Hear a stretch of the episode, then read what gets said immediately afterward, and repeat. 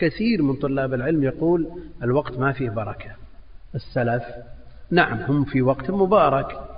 وحصلوا ما حصلوا لبركة الوقت إحنا ما عندنا بركة. كيف تتصور البركة في وقتك؟ وأنت إذا جئت من عملك أو من دراستك وقد ذهب سنام الوقت. صليت العصر الآن الوقت يلا يستوعب. طعام الغداء ثم صليت العصر. ماذا تترقب بعد الصلاة؟ تترقب شخصا من زملائك يقف بسيارته عند الباب يقول والله عندنا مشوار بنروح لفلان أو علان ولا تصل إلى المشوار إلا مع أذان المغرب. ثم بعد ذلك قيل وقال وتنصرف بعد ذلك بعد هزيع من الليل. مثل هذا يدرك علم.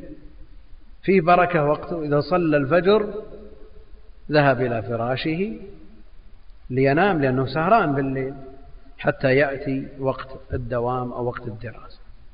لكن في مثل هذه الأيام والأيام القادمة صلى الفجر واجلس في مصلاك أذكر الله حتى تنتشر الشمس وخل معك كتاب واقرأ إلى الساعة سبع أو أكثر تشوف البركة بالوقت. وفي يوم الخميس والجمعة اقرأ إلى التاسعة أو العاشرة تشوف البركة في الوقت وأما في الشتاء جرب الليل. إذا صليت العشاء اجلس خمس ساعات يكفيك عن, عن, عن شهر مما يصنعه ويفعله كثير من طلاب العلم في هذه الأوقات.